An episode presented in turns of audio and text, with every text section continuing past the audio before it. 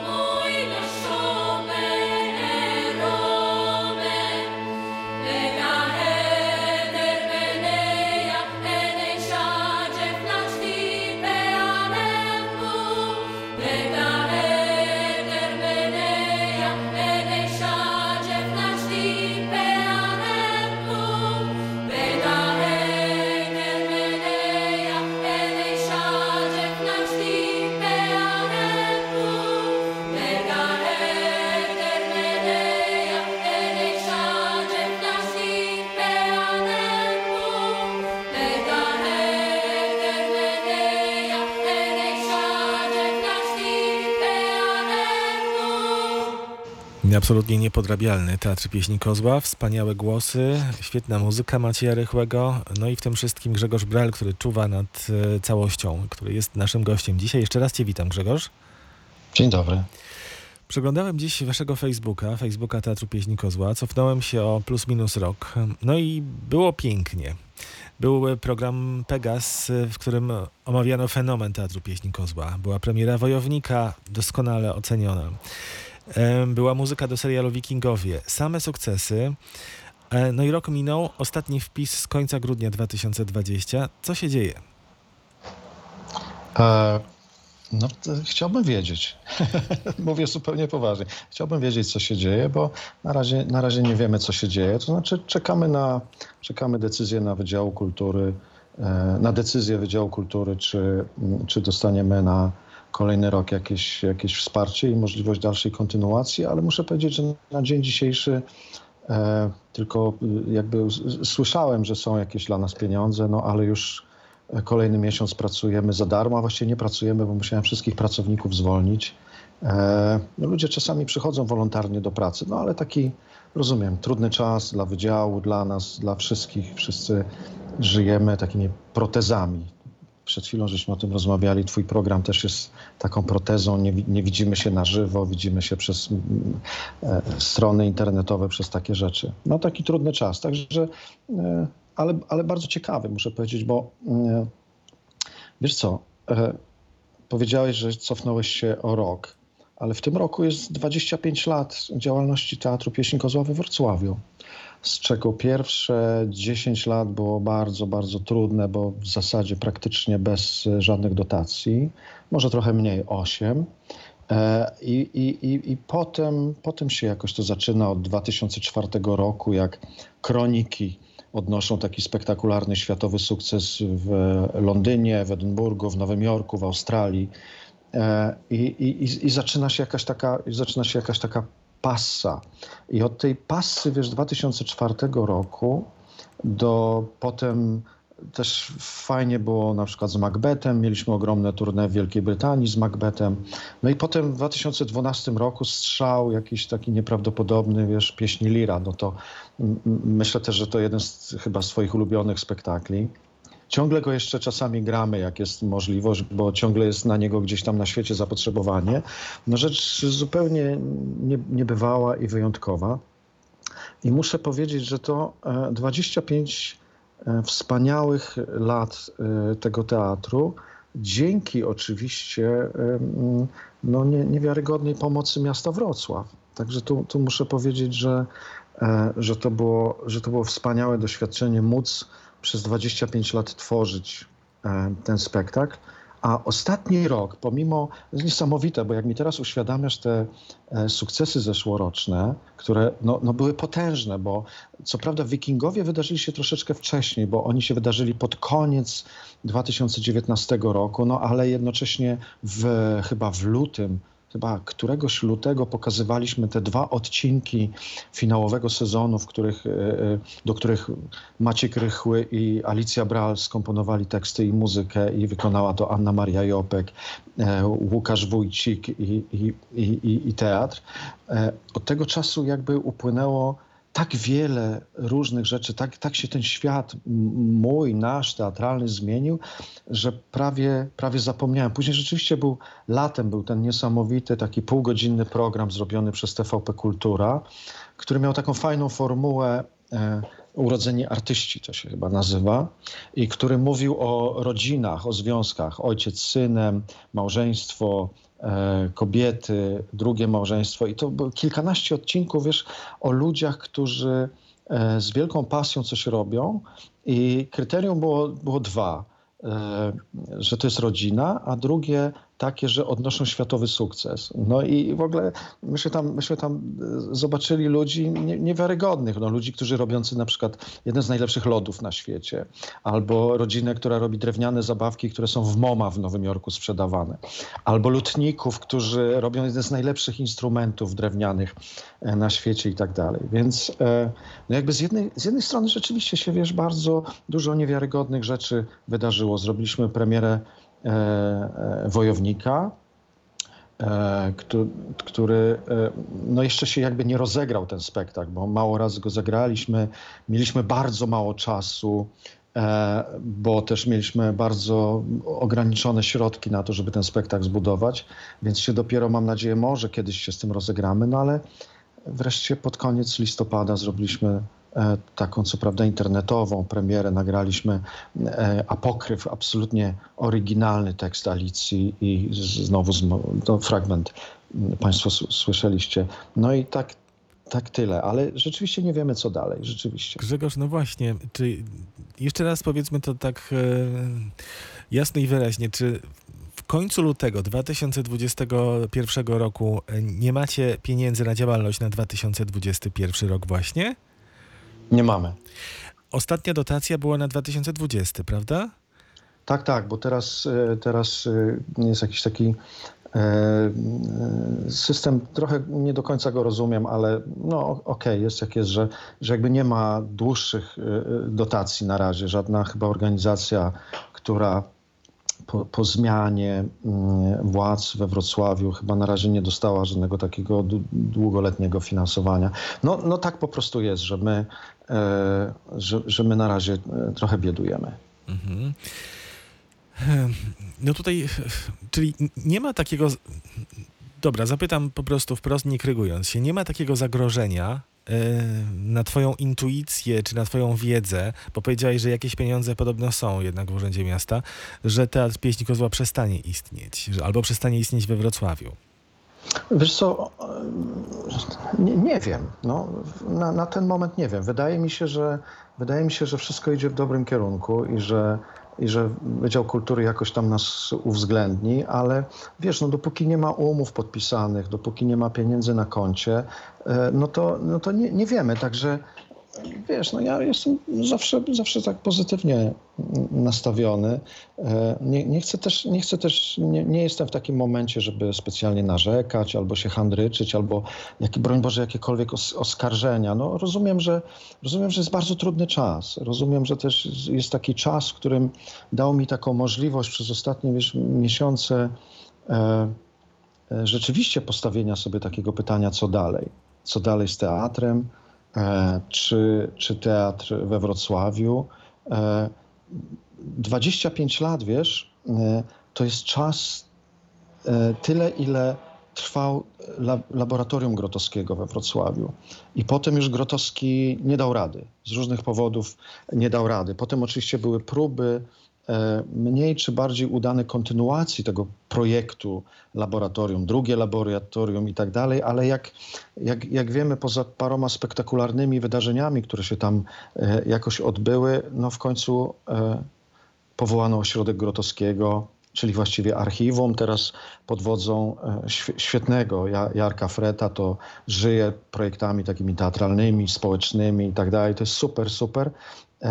No ale jakby ta sprawa samego Grotowskiego, czyli autorskiego teatru, wytrwała 25 lat e, i potem nie wytrwała. Więc zastanawiam się, czy to nie jest jakaś taka, wiesz, dla mnie też mag- magiczna trochę cezura, że, że te 25 lat i naprawdę co dalej. Naprawdę co dalej. Nie, nie umiem ci w tej chwili tak jednoznacznie e, od, odpowiedzieć. Miałem taką nadzieję, e, miałem taką nadzieję zrobienia jakiejś e, celebracji tych 25 lat, przypomnienia. My mamy w repertuarze 8 spektakli, których nie możemy grać, no bo jakby nie ma środków na to, żeby, żeby grać, bo to no nie są nawet bardzo drogie spektakle, tylko to są międzynarodowe spektakle. No i, i to jest międzynarodowa obsada i to są tancerze, czasami to jest duża scenografia, czasami to jest duża scena, więc gdyby tak chcieć zrobić taki, e, taki e, kozła fest, no to on by musiał kosztować z półtora miliona złotych albo dwa miliony złotych, żeby, żebyśmy tylko my sami spektakl zagrali, wznawiając, robiąc próby i tak dalej. No, no, no to ja, ja rozumiem, że, że w tej chwili w mieście nie, nie ma mowy o, o, takiej, o takiej rozmowie. Mhm. No taka rozmowa by się przydała, bo jednak e, takie choćby kilkuletnie dotacje i pewne bezpieczeństwo w przypadku tych takich najważniejszych scen, e, nazwijmy je ofowymi, czy scen, które nie są instytucjonalnie jakoś umocowane, e, no po prostu przydałyby się wam takie, takie no nie wiem, trzy lata bezpieczeństwa i takie trzy lata planu, który można by było sobie założyć. Tak było zresztą w waszej przeszłości. Wiesz co, po- powiem ci, że to nawet, tak, to mi się chyba nawet zdarzyło raz, że miałem taką trzyletnią dotację, ale powiem ci, że to chyba nawet nie chodzi o to, żeby mieć e, naprawdę trzyletnią dotację. Chodzi o to, żeby e, zawsze pod koniec e, jakiegoś roku rozliczeniowego, żeby wiedzieć, jaki ten następny rok będzie, no bo to jest nam wszystkim potrzebne. Tobie, mnie, e, pracownikom urzędów, e, prezydentowi, komukolwiek, wiesz, jakby chyba to jest zupełnie naturalne, że każdy w okolicach października, listopada, e, e, jeśli nie jest na pensji takiej, e, na ciągłości jakiejś pracy, no to każdy się po prostu zwyczajnie zastanawia, e, e, zwyczajnie się zastanawia, co dalej. I to, czego, czego mnie zabrakło w tym roku, to takiej właśnie jakby zwykłej informacji, że e, okej, no po prostu musimy tam podopinać wszystkie inne formalności, e, ale, ale generalnie jest okej. E, e, Pamiętam, e, kiedyś taki był urzędnik, którego jak zapytałem, dosyć e, e, rozhisteryzowany, co mi się czasami zdarza, co dalej z nami, odpowiedział: Śpij spokojnie, wszystko jest okej. I na przykład takie zapewnienie mi w zupełności wystarcza. Natomiast no w zeszłym roku ani w tym roku takiego, takiego po prostu zwyczajnego zapewnienia nie było i no i e, trochę, trochę nie wiemy, a kończy się to, ponieważ nie ma informacji, nie ma zapewnienia, no to ja E, Wtedy jestem zmuszony e, e, złożyć wypowiedzenia wszystkim pracownikom, no bo wchodzę w nowy rok i nie mam, nie mam za co pokrywać kosztów takich czy innych, więc, więc tak naprawdę to mi się wydaje de facto trudną sytuacją, a nie to, czy ja będę miał trzyletnią dotację, czy fajnie by było, ale to naprawdę nie jest wielki problem. Wielkim problemem jest e, jakby taka transparentność tego, że chcemy pana albo nie chcemy pana. I, i, i, muszę, I muszę powiedzieć, że ja, ja, dla mnie byłoby jakoś zrozumiałe, gdyby mi ktoś powiedział: Panu już dziękujemy. Są inni, młodsi, inne pokolenia, my mamy inne wyobrażenia e, tego, jak się kulturę we Wrocławiu powinno budować, promować i tak dalej. Ja, ja, ja, ja to kumam, tylko po prostu mi się wydaje, że to, czego za, zabrakło trochę w, w, pod koniec zeszłego roku, to taka klarowna informacja. Tylko to, jakby, jakby tego, bym się, tego bym się troszkę o to bym prosił. Czy jest sens w takim razie pytać e, e, dyrektora Teatru Pieśni Kozła, artystę i reżysera o to, co zdarzy się w najbliższym e, czasie czy w najbliższych miesiącach? No ja wiem od Jana Szurmieja, że planujecie w Teatrze Polskim we Wrocławiu, to będzie jesienią. Nie wiem, czy to będzie koprodukcja, czy to będzie po prostu twoja reżyseria spektaklu Tadeusza Różewicza. E, Wiesz co, był taki mądry skądinąd plan e, dyrektora Szurmieja, żeby to była koprodukcja, żeby, no ale nie, nie, nie zupełnie bez, bez względu na to, e, jakie pieniądze my dostaniemy, to nie dostaniemy takich, z których mogłaby wynikać koprodukcja, więc Więc no ja spróbuję to po prostu firmować tylko i wyłącznie swoim nazwiskiem i to rzeczywiście będzie Stara Kobieta wysiaduje 9 chyba października czy 11 października, przepraszam, nie pamiętam, chyba 9 października premiera, e, mam nadzieję, z widzami. Mam nadzieję, więc, więc to jest taka jedyna na razie rzecz e, e, klepnięta. Jeśli, jeśli Wydział Kultury klepnie, mówiąc kolokwialnie, naszą dotację, no to wrócimy z przynajmniej kilkunastoma spektaklami, to znaczy z naszego repertuaru w tym roku, żeby je zagrać i, i mam nadzieję, że uda się nam też zrobić kolejną premierę. Od, od kilku lat pracuję nad tym, żeby zrobić adaptację Tytusa Andronikusa Szekspira, czyli jakby wracam do Szekspira, tym razem do chyba najbardziej brutalnego e, e, dramatu politycznego e, Szekspira, czyli Tytus Andronikus. A wr- wracając jeszcze na moment do tego Różewicza, e, wybrałeś tekst Stara Kobieta wysiaduje, to twój wybór, prawda? E, wiesz co, nie pamiętam. Aha. Nie pamiętam, czy to, nie- czy to w jakimś sensie nie zostało mi... Chyba, chyba nawet e, dyrektor Szurmiej e, zasugerował, że może stara kobieta, bo ja początkowo zaproponowałem, żeby się wziąć za białe małżeństwo, ale okazało się, że ono jest w tej chwili już realizowane, więc jakby temat, temat był zajęty i pojawił się pomysł starej kobiety, który to tekst jest piekielnie trudnym tekstem i takim właściwie powiedziałbym nawet ateatralnym. Ja, ja zresztą w ogóle uważam, że Różewicz wielkim poetą był, ale dramaturgiem wielkim nie był. Natomiast e, ma taką przestrzeń e, poetyckości e, w swoich dramatach i metafory, która jest bardzo kusząca do tego, żeby się z nią e, wizualnie i scenicznie zmierzyć. E, Mam jakieś po- pomysły. Mam nadzieję, że będę mógł e, współpracować. No, zaprosiłem Lalkę, Lalkę Terlikowską, która jest no, po prostu wybitnym, fenomenalnym kostiumologiem i scenografem. E, O, o, o, jakby o dalszych rzeczach takich mm, o obsadowych nie będę opowiadał. Oczywiście mm, zaprosiłem Macieja Rychłego do e, stworzenia muzyki, ponieważ tam Różewicz sam też wpisał e, małą orkiestrę do tego spektaklu, więc Maciek Rychły już pisze jakby mm, mu, muzykę. I Ja- ja no, pytam- no tak. Ja pytam o tego Różewicza, ponieważ e, to jest taki tekst, który może bardzo mocno rezonować w tym czasie, w którym jesteśmy, czy po tym czasie zobaczymy, jaka będzie e, sytuacja e, jesienią, bo mamy tam kryzys przecież kultury cywilizacji, śmietnisko takie i śmietnisko tak. wartości, ale też no, starość, kobiecość, czyli jest osobisty temat. Coś, co, co nas dotyka no, w tej rzeczywistości, w której żyjemy i jako ludzie, i jako artyści. E, To bardzo, no tak, tak, no bardzo masz, masz, wielką rację z tym, co mówisz. Do, dopowiedziałbym jeszcze e, coś takiego. Ten e, dramat Różewicza który dla mnie jest takim. y, Myślę, myślę, że Różewicz by się świetnie w taką trójcę wpisywał. Beckett, Ionesco, Różewicz jako dramaturg.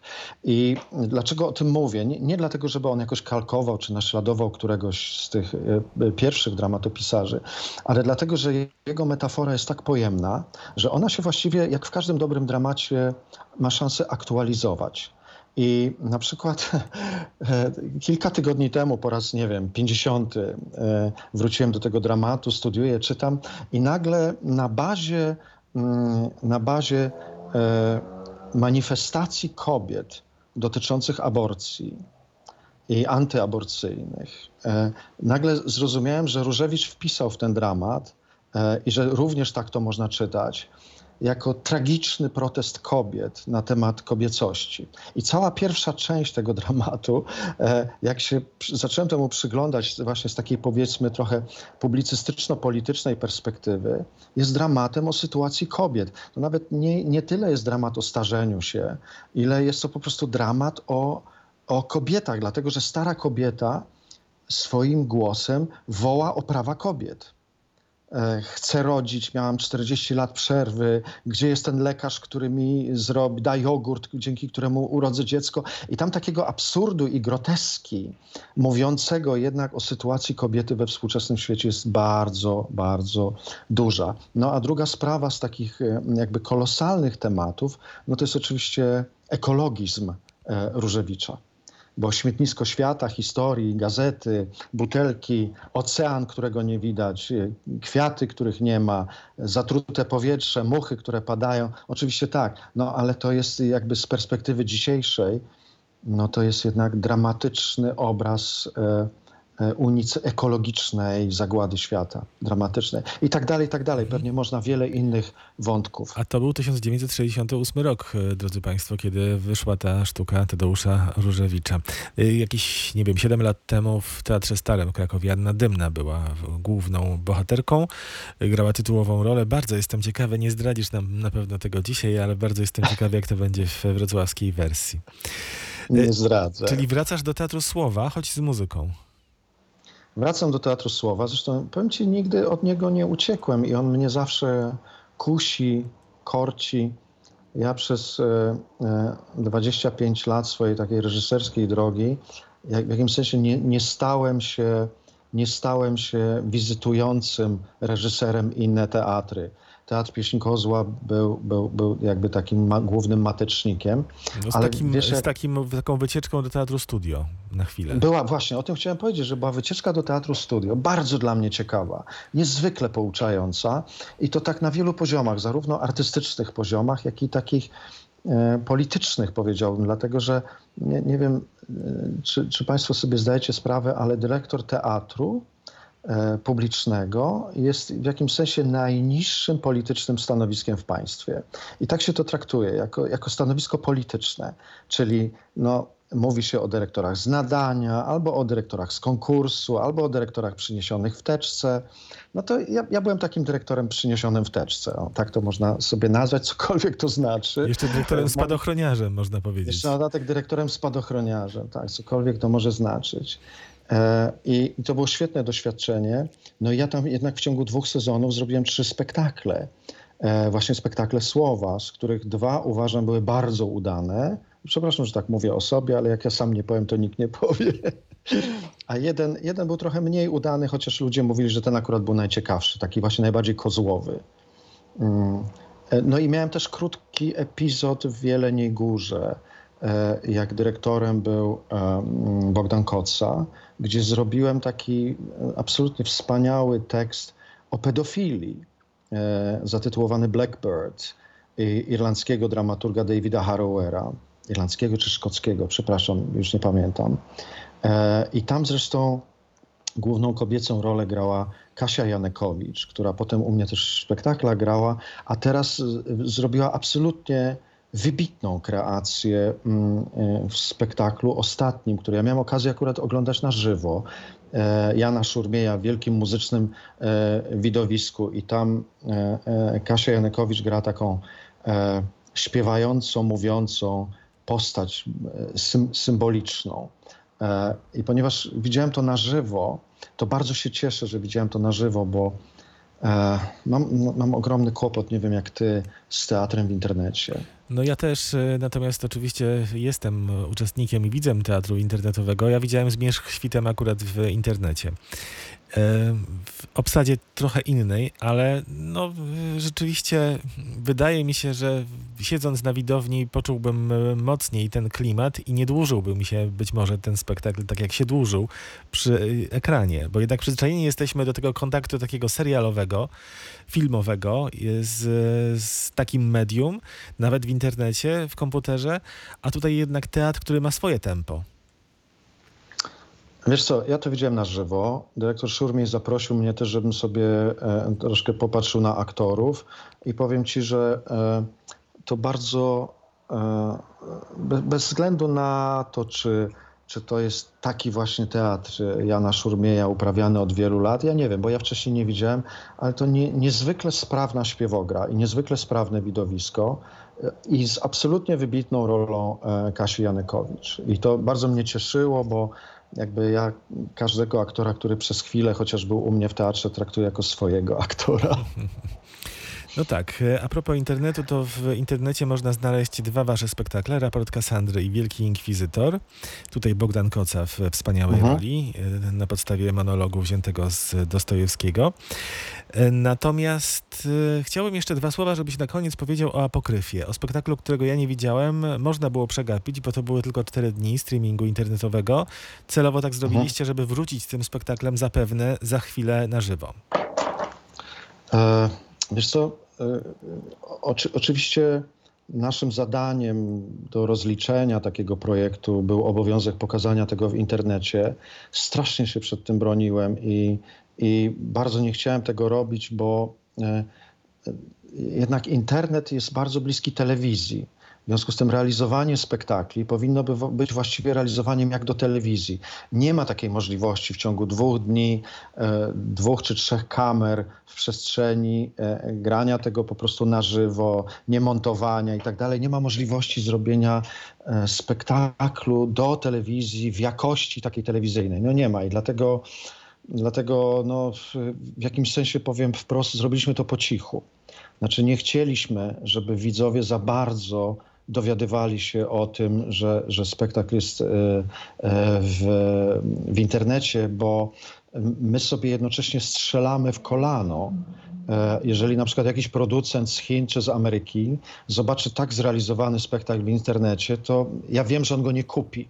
Ja po prostu wiem, że on go nie kupi. E, Jeżeli jakiś e, krytyk teatralny zobaczy ten spektakl w internecie, to ja wiem, że on go nie kupi. Po prostu wiem, dlatego że w, w spektaklu na żywo jednak zawsze masz możliwość swojego własnego wybierania optyki. I to jest jakby kluczowe, bo zawsze jako widz w spektaklu szukasz tego, co ci się podoba, co, ci, co przykuwa twoją e, uwagę, co ci pozwala interpretować, co ci się pozwala oddać temu, zanurzyć i tak dalej. A w momencie, kiedy masz to przełożone tak jakby surowo na, na, na obraz e, komputera, no nie, masz, nie masz szans. W związku z tym 90% tracisz w ogóle możliwości doświadczenia teatru. No, ale żyjemy w takich czasach protez. Więc e, no jakoś to zrobiliśmy, to zostało tam przez e, różne osoby zarejestrowane, gdzieś tam obejrzał. Bardzo chcę do tego wrócić. Jeżeli, jeżeli uda się, że będzie jakiś budżet jeszcze na ten rok, to wrócimy do tego, proszę Państwa, pod koniec maja. I spróbujemy ten spektakl pokazać przynajmniej sześć razy. Nawet jeżeli to będzie 25% widowni czy 50% widowni, jeżeli okaże się, że jest jakiś kolejny, kolejny lockdown i musimy to transmitować w internecie, e, nie, nie wiem, co zrobię. Nie wiem, co zrobię. E, natomiast, e, no tak jak mówię, zaplanowane mamy w tej chwili to na końcówkę maja i wtedy mam nadzieję, zobaczycie Państwo, jak e, ta sama ekipa, w jakimś sensie mam na myśli pieśń kozła, ten sam podpis, ten sam autograf, ale jednak zupełnie inna konstrukcja. Zupełnie inna konstrukcja, bo również autorski dramat Alicji. Po raz pierwszy w całości autorski. To ja czekam na te majowe prezentacje. Mam nadzieję, że one będą e, po prostu rzeczywistością i wtedy przed pokazami i mam nadzieję, że z Tobą, z Alicją spotkamy się ponownie. Już z dotacją, z takim bezpieczeństwem istnienia Teatru Pieśni Kozła we Wrocławiu. Czy to również byłyby pierwsze spektakle, które pokażecie, którymi wrócicie? Czy wcześniej coś zaplanowaliście, jeśli będzie ta dotacja? Jeśli będzie ta dotacja, to zaplanowaliśmy wcześniej zarówno raport Kasandry, jak i chyba Wielkiego Inkwizytora. Bardzo chcę wrócić w tym roku do e, Wojownika, bo jak mówię, e, jestem bardzo, szczególnie po tym e, drugim czy trzecim secie, ostatnim, lutowym, gdzie udało mi się to wreszcie na tyle skondensować, że e, że z takiej rozwlekłości i takiej powtarzalności ten spektakl uzyskał pewnego rodzaju naprawdę dynamikę, na której mi zależało. Mam nadzieję, że, ale to nie, nie wiem, czy to nie będzie później w roku. E, tak, tak. Także no, no spróbujemy paroma tytułami wrócić, ale bardzo mi zależy na tym, żeby zrobić taką prawdziwą, prawdziwą premierę z publicznością apokryfu. No i pamiętajmy, że 2021 rok to jest również piękny jubileusz osobisty Grzegorza Brala, nie tylko 25 lat pracy reżyserskiej. Grzegorz teraz kiwa głową i szuka w głowie o co chodzi, ale to będzie listopad, jest jeszcze chwilę czasu, żeby, żeby o tym wspomnieć. Bardzo dziękuję. Grzegorz Bral, szef Teatru Pieśni Kozła był z nami. Apelujemy do miasta, żeby szybko ogłosiło e, dotacje dla Teatru Pieśni Kozła, żeby wszystko było, że tak powiem, po staremu. Dziękuję bardzo Państwu, dziękuję Ci Grzegorz za te ciepłe słowa. A my teraz słuchamy pieśni z Wikingów. E, Może dwa słowa jeszcze na koniec powiedz. E, To jest Anna Maria Jopek? E, tak, to jest Anna Maria Jopek i to się w ogóle, ja to szybciutko spróbuję powiedzieć. W 2014 roku ktoś nagrał nas w Edynburgu i potem dwa lata później producent i wydawca Wikingów, będąc zaprzyjaźniony z osobą, która miała to nagranie, mówi słucham, szukam na finał czegoś wyjątkowego, na finał Wikingów, których piszę. I ten człowiek wyjął płytę i mówi obejrzyj. On obejrzał i mówi to chce. I ponieważ nie mogliśmy dać mu tych nagrań, bo one są obwarowane prawami autorskimi, bla, bla, bla, e, on powiedział, czy oni mogą mi szybko, w ciągu paru tygodni skomponować i nagrać. E, Wspaniała Anna Maria Jopek zgodziła się natychmiast. Pojechaliśmy na plan zdjęciowy, zrobiliśmy zdjęcia, zrobiliśmy nagrania, wszystko poszło. No a potem okazało się, że ten, e, ten odcinek obejrzało ponad 850 tysięcy ludzi w Ameryce. I potem zresztą zaczęły się pojawiać, e, nie, nie wiem jak to się nazywa, jak ktoś kradnie twój utwór i go przerabia na przykład Jakieś na, sample, tak? Takie sample się zaczęły z tego pojawiać, co w ogóle zaszokowało nas i nawet poszliśmy e, z prawnikami rozmawiać z Anią Marią Jopek i podobno ona e, jakby nie, nie, mówi, nie, to fajnie, to fajnie, że tak ludzie zabierają, bo to tak oni tam podbierają. I tak byśmy nic nie udowodnili, ale najważniejsze, że ktoś się rzucił na to i zaczął robić rapowe sample z tego. Posłuchajmy. Dziękuję Ci bardzo jeszcze raz. Dziękuję ci bardzo jeszcze raz.